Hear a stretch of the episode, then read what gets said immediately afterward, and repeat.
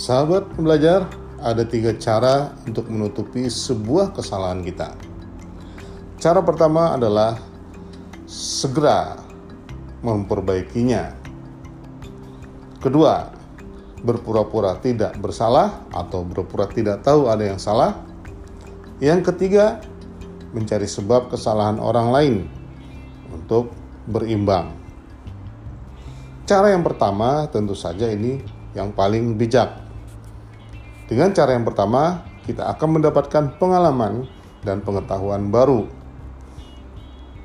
Dari kesalahan-kesalahan, kita belajar sesuatu dan menemukan hal baru untuk memperbaikinya.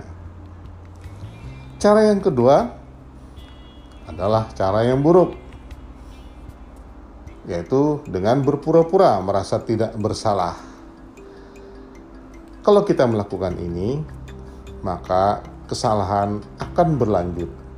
Setidaknya, kesalahan yang sama akan terulang lagi, atau kurang lebih kesalahan-kesalahan yang kurang lebih sama akan berulang lagi karena kita merasa tidak bersalah. Dan yang ketiga adalah yang paling buruk, yaitu dengan mencari-cari sebab kesalahan dari orang lain untuk merasa diri seimbang dengan orang lain.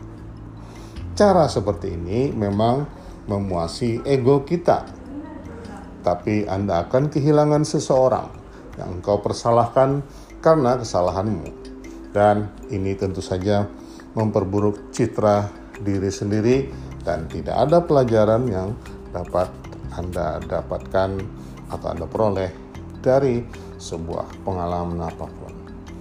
Sampai jumpa, keep learning, doing, and playing. Assalamualaikum warahmatullahi wabarakatuh.